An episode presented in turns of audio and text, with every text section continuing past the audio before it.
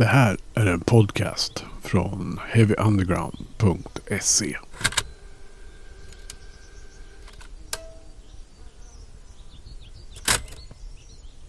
Du lyssnar på Heavy Undergrounds sommarserie med intervjuer som jag grävt fram ur arkivet. Och jag som har grävt och gjort intervjuerna heter Magnus Tannegren. Tack för att du lyssnar på Heavy Underground. Den här gången så blir det två intervjuer från två olika tillfällen med en och samma man. Och den mannen är Steve Fontill. Eh, sångare och gitarrist i Neurosis. Men också en fantastisk soloartist. Han kommer till Stockholm i augusti. Missa honom inte då. Spelar på Debaser strand. Eh, det här är två intervjuer som jag gjorde. Den första 2015. Den gjordes på telefon och då pratas det om eh, eh, musik och det pratas om skivbolaget New Road. Så att eh, den får ni höra först. Sen så dyker vi in i Neurosis turnébuss 2017. Innan spelningen då. Uh, och det var första gången jag någonsin har, och ända för en del, någon gång jag har suttit i en turnébuss och gjort en intervju i alla fall. Väldigt coolt med en uh, lätt uh, jetlaggad Steve till som var missnöjd med spelningen dagen innan på Roskilde. Men uh, det är en kort och trevlig intervju hur som helst och spelningen efteråt var fantastisk så att de fick väl lite revansch där. Och allt det här är ju gjort då som ni förstår innan tråkigheterna med Scott Kelly och eh, nu vet vi ju inte riktigt hur statusen på Neurosis är. Men eh, Steve Fontill har släppt en fantastisk soloskiva efter det här och eh, håller på med allt möjligt vad han håller på med. Eh, så en mycket fascinerande herre som ni får höra nu här i Heavy Undergrounds sommarpodcast. Där vi har grävt i arkivet och pratar med Steve Fontill. So, life unto itself. Uh... can you explain the title and what's it about?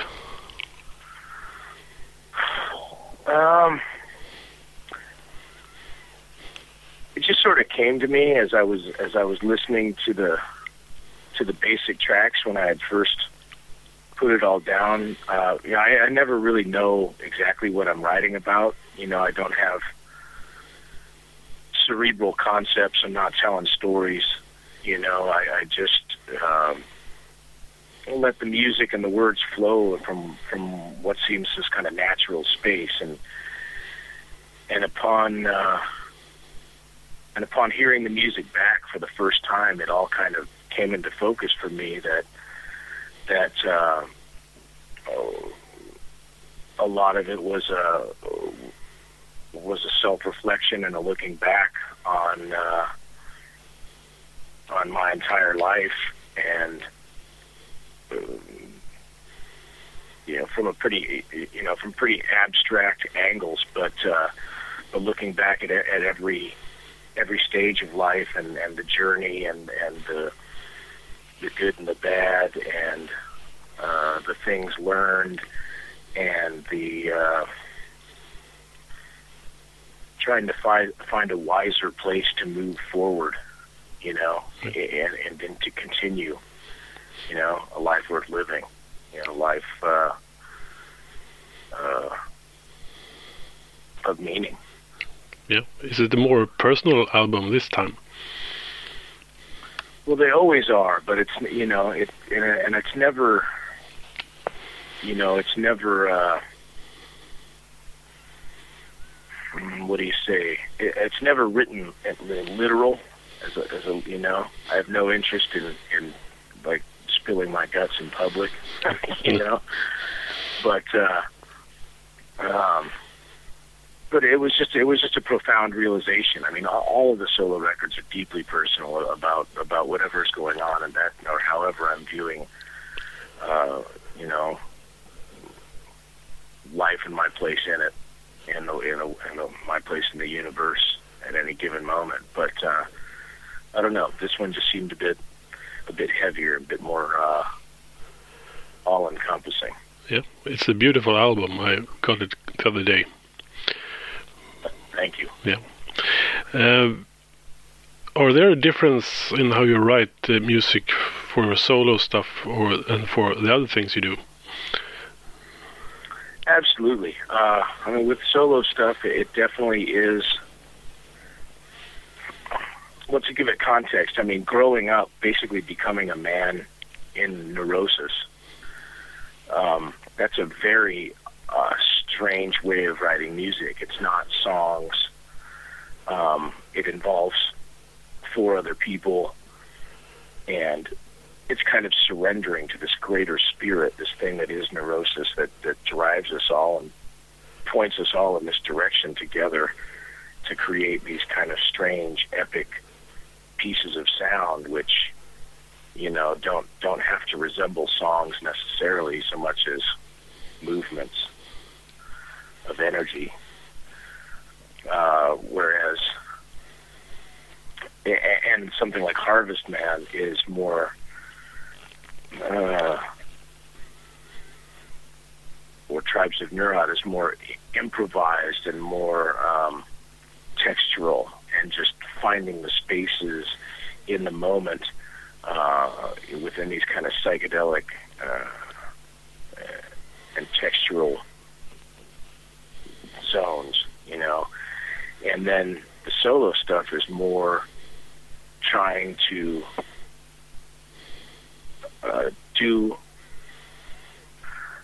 uh, trying to convey that same level of emotion, but from a more traditional song uh, perspective. Uh, you know, trying to actually be a songwriter. You know, and and, and uh, you know, it's coming up with melodies and, and patterns and it's sometimes even verses and choruses and and trying to make it fit in something that that you know that I feel inspired by when I listen to uh, folk music. You know, the folk music is based on patterns, and uh, so yeah, it, it's trying to take what I love about that music and and create some myself and, and make it my own, but but it still carry the emotional weight yeah. uh, of of how I view you know music and its ability to communicate from the soul. Uh, when, how did you go about recording this album? Was it all at one moment, or did you record it over time? It was basically in two chunks. Uh, I went uh, in September. Um, I went to Seattle um, and went with Randall Dunn, who has done a lot of great recordings. Um,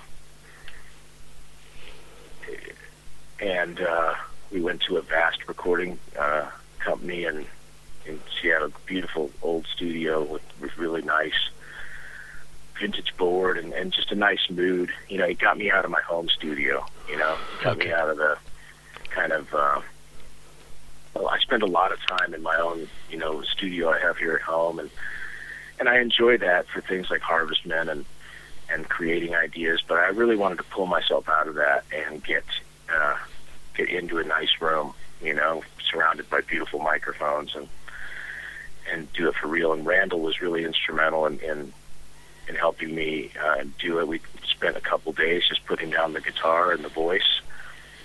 Um, we did some interesting things while we still based the basic tracks on on acoustic guitar and vocals.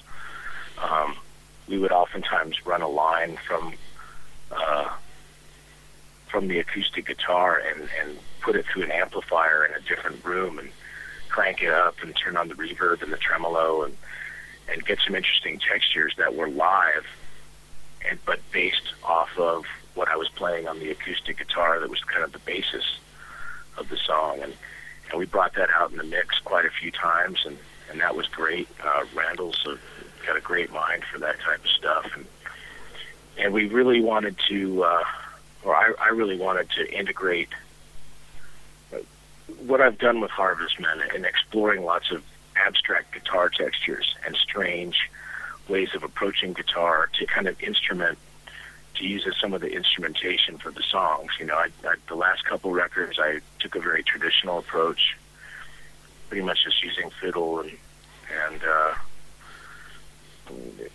um, additional electric, electric guitars and pedal steel. But this one, you know, we brought in some of those elements and and some vintage elements as well. But we weren't afraid to use, you know, psychedelic electronic textures as well. Hmm. Bring out some extra moments and and uh, some of those, like on the one song "Night of the Moon," which is kind of the oddball on the record. Like those, most of that's not even synthesizers. Those are just treated electric guitar things that I had done at home. Okay.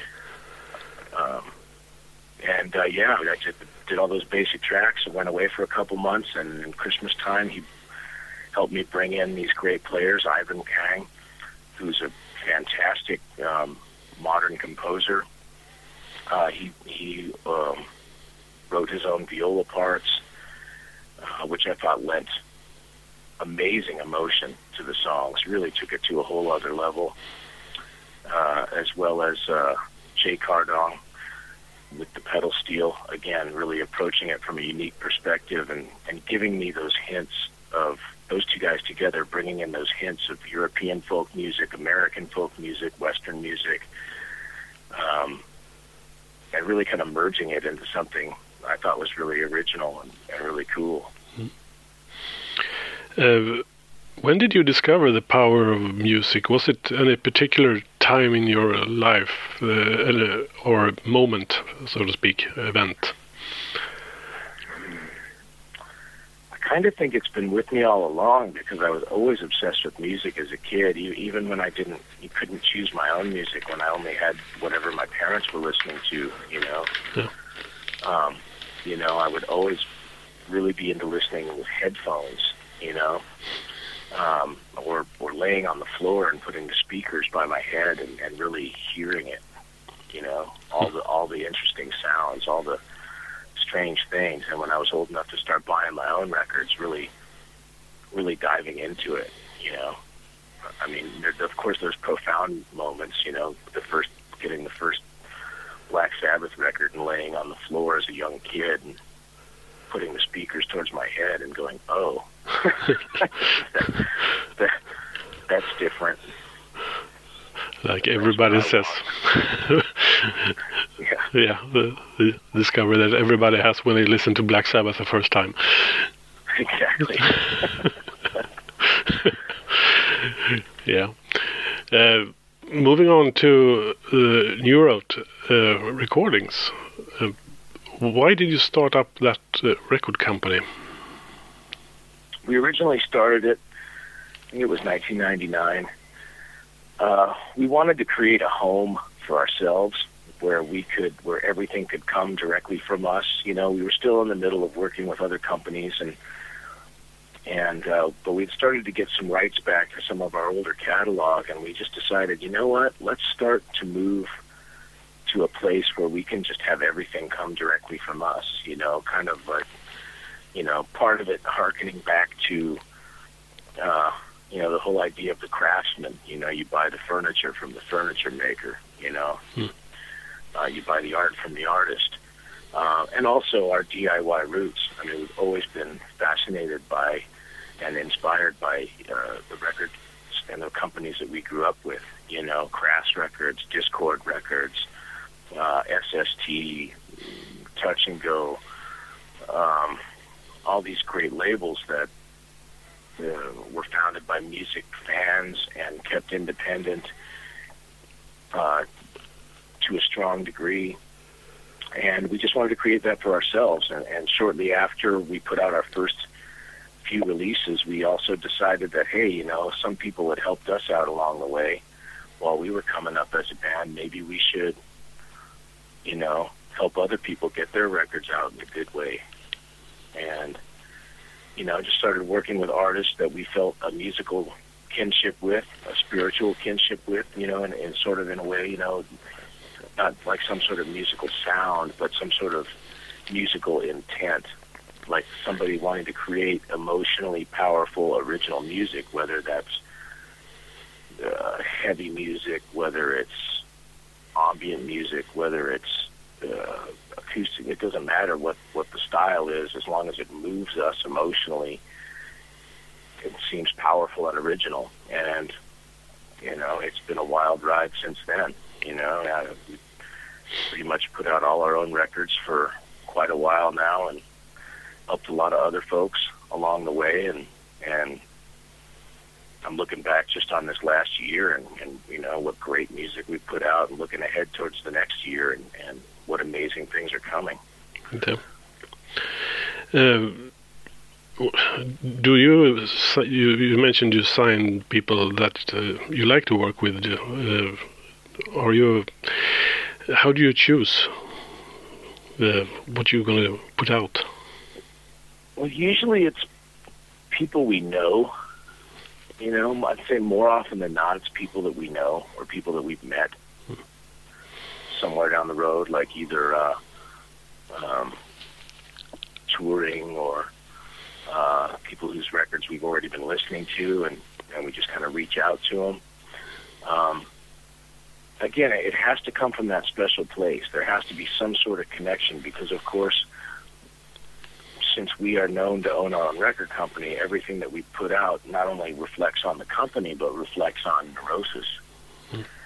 and kind of puts us in a context of these are our peers.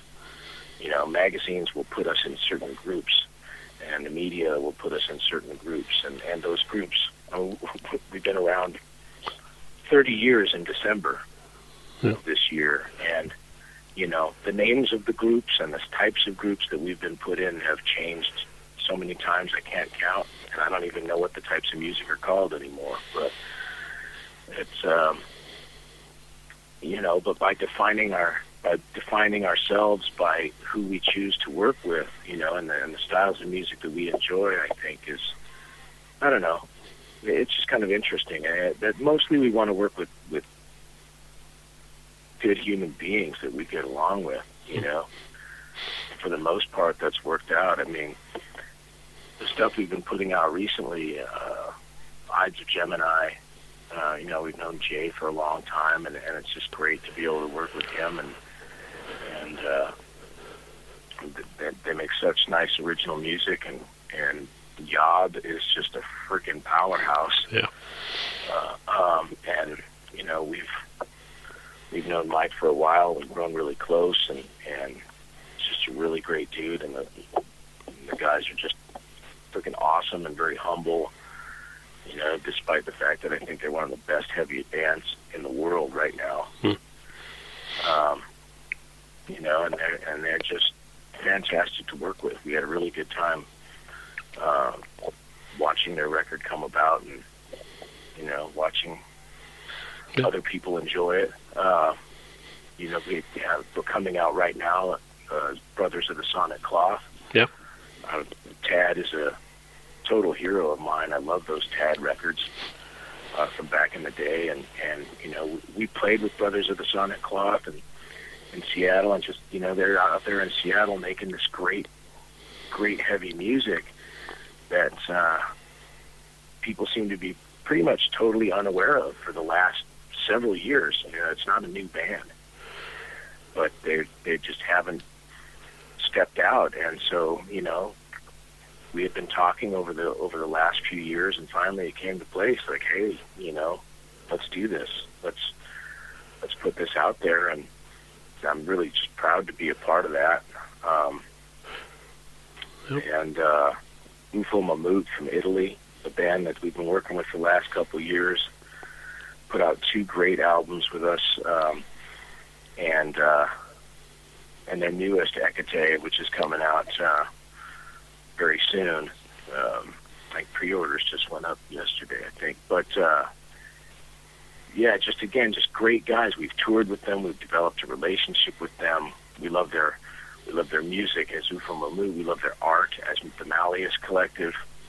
Um, and we just like everything they're doing, running their own label. You know, so it's like working with people that understand this whole DIY ethic and and you know out there working hard to promote their art and to be able to do what they want without any compromise. Hmm. You know, Yeah, I, I, I was actually interview, interviewing Tad a couple of weeks ago, oh, awesome. and uh, he talked very warmly about how you took care of him and the Brothers of the Sonic Cloth. So, yeah. Uh, He's a great human being. He's one of the nicest guys I've ever met. Yeah. absolutely. really. Yeah. So how how much do you take part in the process of the record that you're gonna release with the group? How does much does you do you work with them? We leave all the artistic stuff to the band. I mean, we have we feel no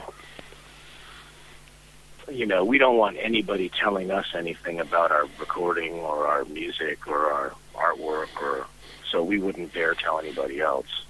you know?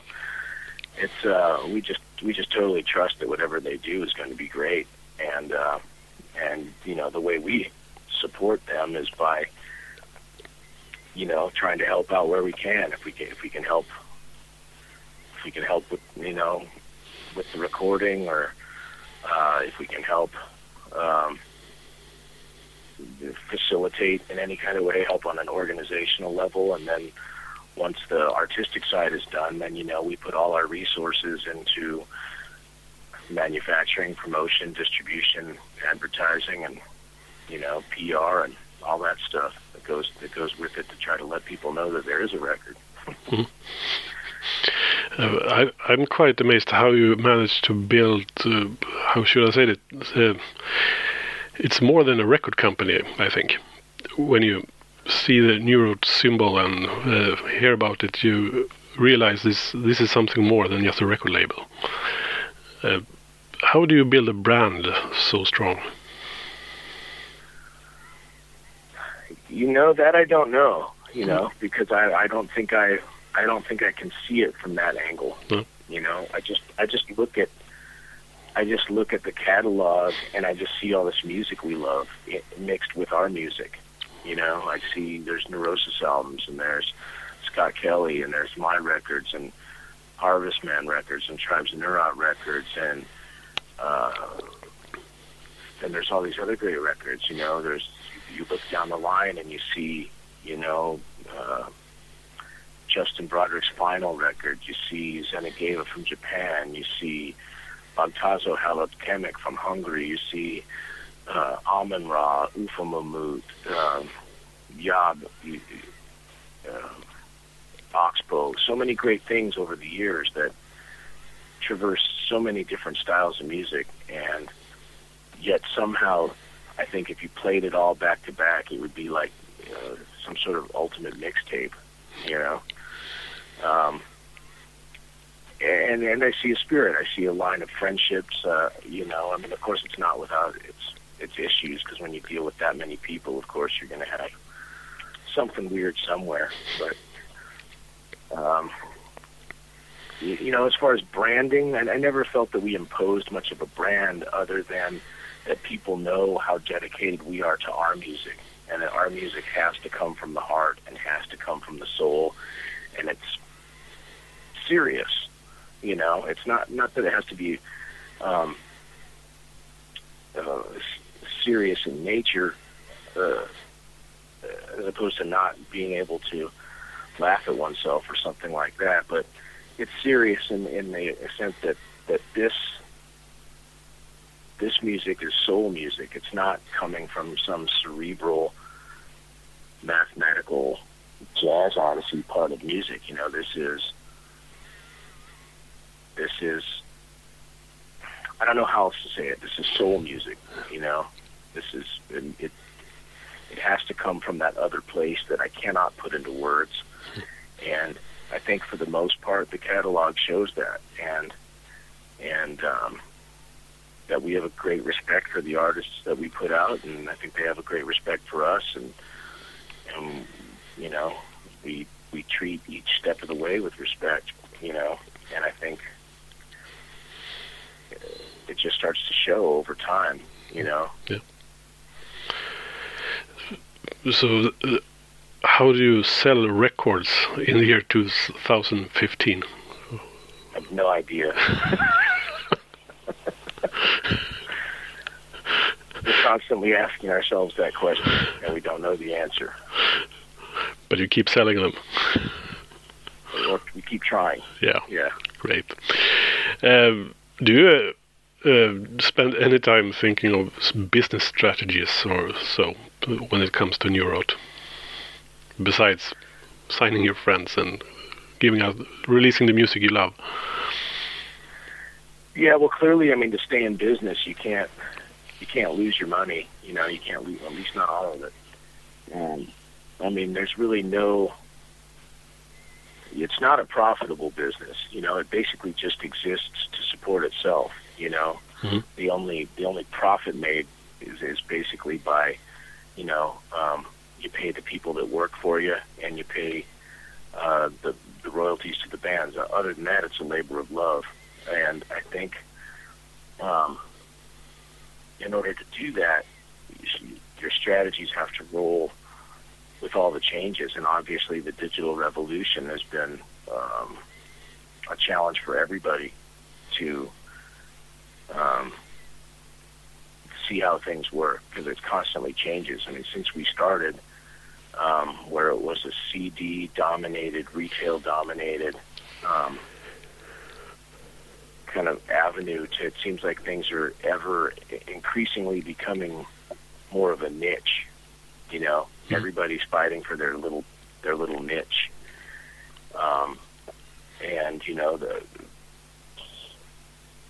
having to sell things digitally is different, you know, and, and for the young people coming up, packaging of music seems like less of an issue, whereas, you know, we're old farts who love the double gatefold album and open it up and look at it, but at the same time, there's a vinyl revolution, Mhm. you know, which I don't know if that will sustain, you know.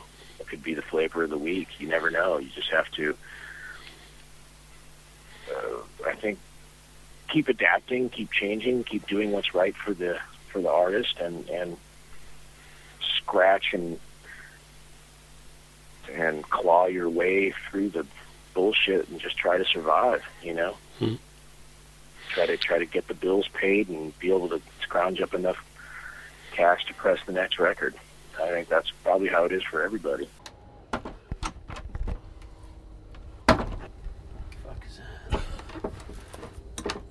Maintenance.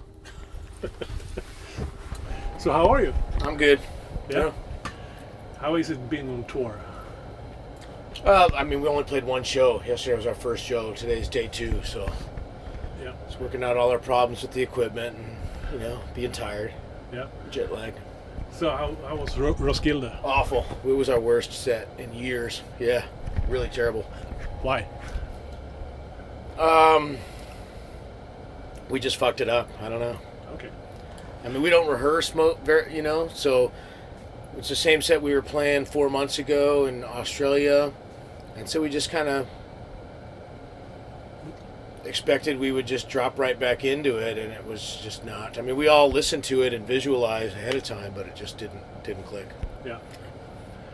So how is it uh, comparing playing like this venue, small club like thing, and a festival?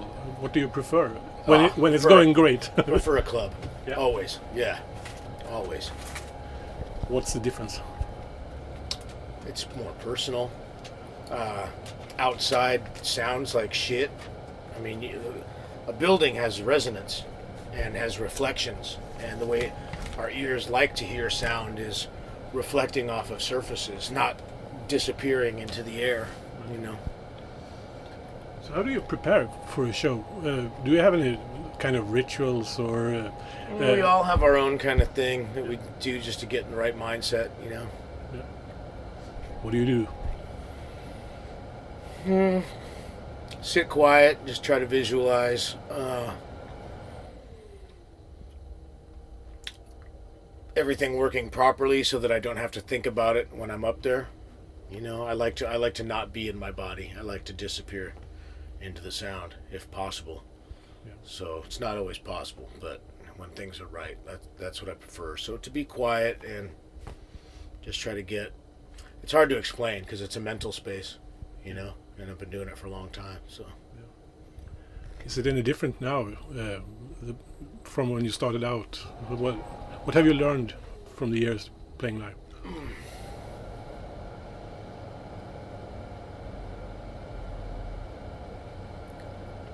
I think how to let go more, how to how to get out of body easier, how to uh, not stress about the little stuff. You know, I'm thinking life in general. That's a, you know, uh, teaches us that lesson over and over again in all aspects of life. I think you know you can really drive yourself crazy worrying about all the little shit. So do you learn anything from your band, uh, uh, f- friends in the band, uh, the, so many years later when you play live? I don't know if it's anything I could really express. I mean, it's uh and I don't play with any other musicians, so I have no idea what it's like outside of Neurosis. It's all, I mean, I'm sure it's very different for people, but I only know playing with these guys. Yeah. You know, So what keeps you going? uh, infinite inspiration. I mean, uh, it's a constant quest to find a sonic holy grail, and we haven't even gotten close. So. So many years later, and you haven't gone close yet. Uh-uh. No, there's still something out there, and we'll die trying to find it. So, we've got. I I think we've got no shortage of inspiration to ever. Well, you have lots of other projects going on the side uh, with the solo stuff and Harvestman and stuff like that. Uh, what's what's the big differences between the, the things? Well, Harvestman is more um, improvised in the moment. Uh, it's more about a relationship with the studio as an instrument rather than writing songs. You know, it's more of like a. Even though stylistically it's not anything like it, but it's more of a dub, I guess, type perspective of.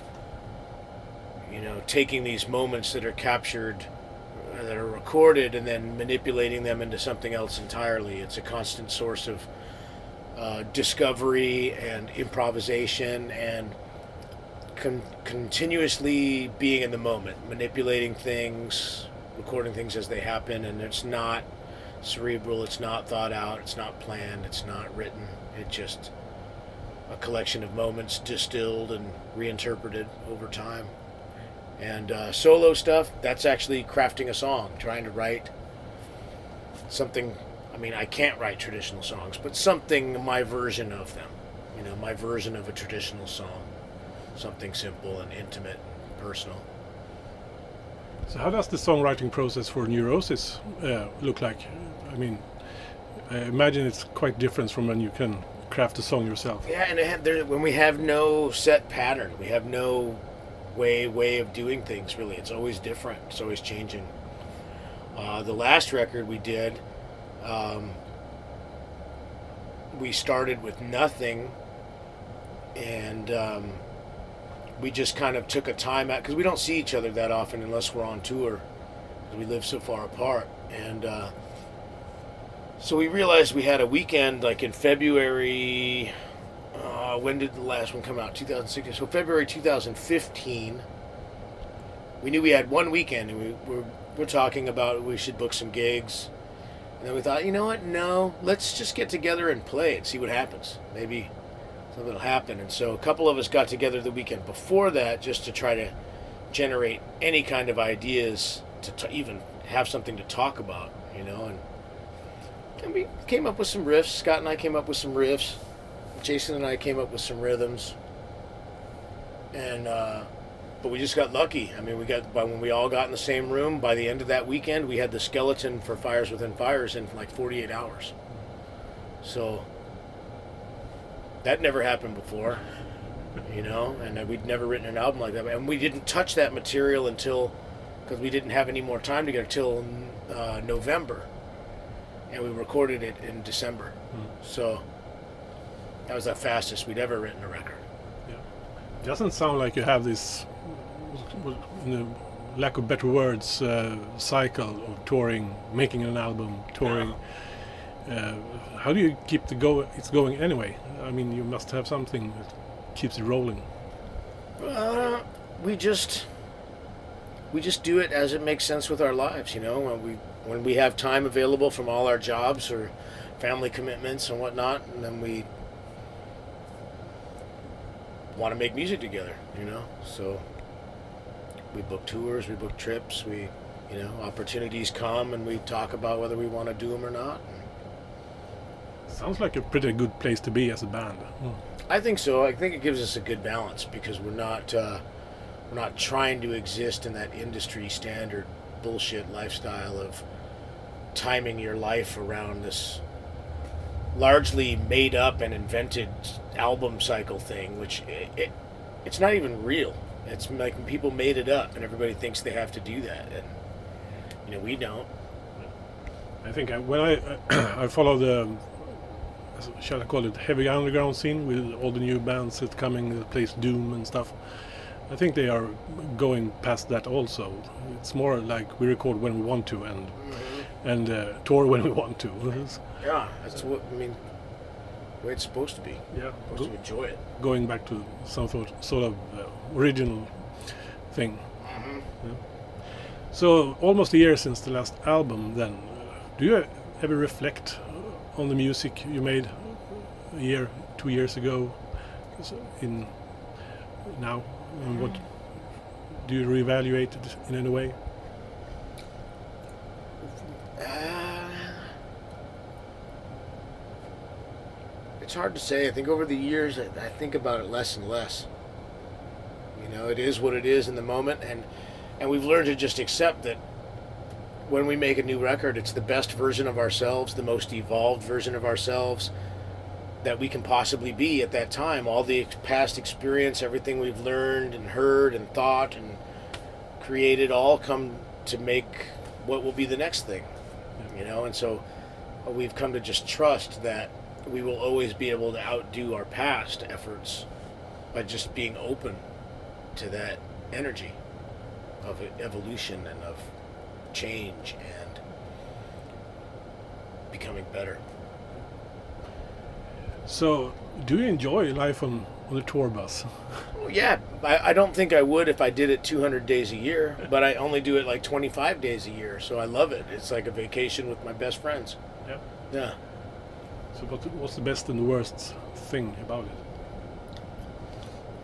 it? Um, uh, being with my being with the band and the crew. I mean, we're all like family and brothers, so it's like our time where we can leave all the responsibilities of home to side for a moment, and you know, don't have to worry about job and don't have to worry about you know the record label and all the other thing. We just can be here, play this music that we are feel so lucky to have found with each other, and feel lucky that we're in this position.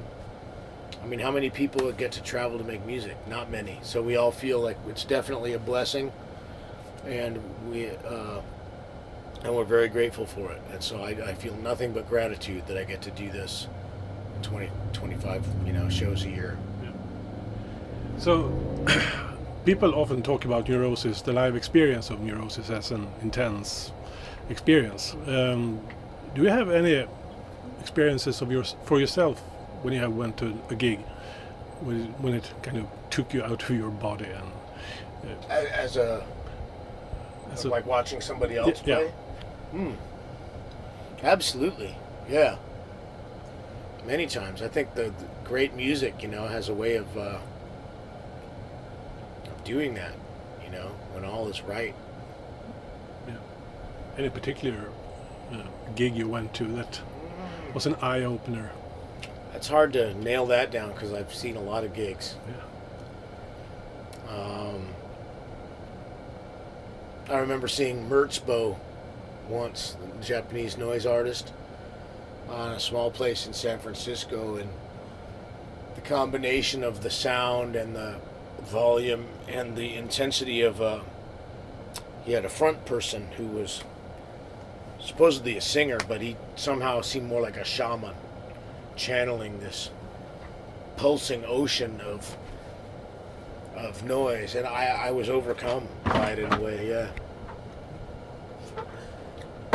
Um, and uh, I think a, a Helios Creed concert Scott and I went to see one time had actual physical effects on us, like the frequency of the guitar actually just actually made us sick, but it was beautiful how because it, it was so punishing. Yeah. yeah, yeah. I know what you're talking about. Ten years ago, I saw the skull defects. I don't know if you heard about. Actually, yeah, I actually have uh, one of their CDs. Yeah. Yeah. They did a gig with uh, I don't remember his name. It was a Norwegian guy, and they warned the audience in beforehand, and there was this low frequency thing, noise uh, performance that just shook your teeth out. Wow. when when the music becomes a physical experience. Uh-huh. Yeah. Yeah. And Sunn is like that too, Yeah. you know, where you you close your mind and you just feel the vibration, you know. I think lots of things. I mean, um, what's the one guy from uh, I'm so tired I can't remember his name, but yeah. I'm gonna find it out because it's important. Uh, he was in the band Lungfish. He was the singer of Lungfish. And he does this kind of solo stuff where he has a banjo or some simple instrument and he just out of his mind uh, uh, kind of free association chanting. It's it's very spiritual. Uh, Daniel Higgs Never heard of him, but uh, I check believe he did a record with Skull Defects out. Okay. as well Yeah. Um, yeah, I mean, there's there's been lots of great concerts I've seen where they definitely transported me to a different place. I hope to have that experience tonight. though. You never know. Conditions have to be right. You have to be right. We have to be right. The room has to be right. Your neighbor has to be right. And if it's all good, I hope so too. I'm. I would like that, especially after last night. Last night sucked so bad. It would be really nice to have a triumphant night. Du har lyssnat på en podcast från heavyunderground.se. Jag som säger det heter Magnus Tannegren och är den som producerar och intervjuar i den här podcasten. Vill du veta mer om det här avsnittet eller om podcasten i allmänhet? Besök heavyunderground.se eller leta upp oss på de sociala kanalerna på Facebook och Instagram. Tack för att just du har lyssnat. Hey, I met you. You are not cool. I know. Even when I thought I was, I knew I wasn't. Because we are uncool. I'm glad you were home. I'm always home. I'm uncool. Me too.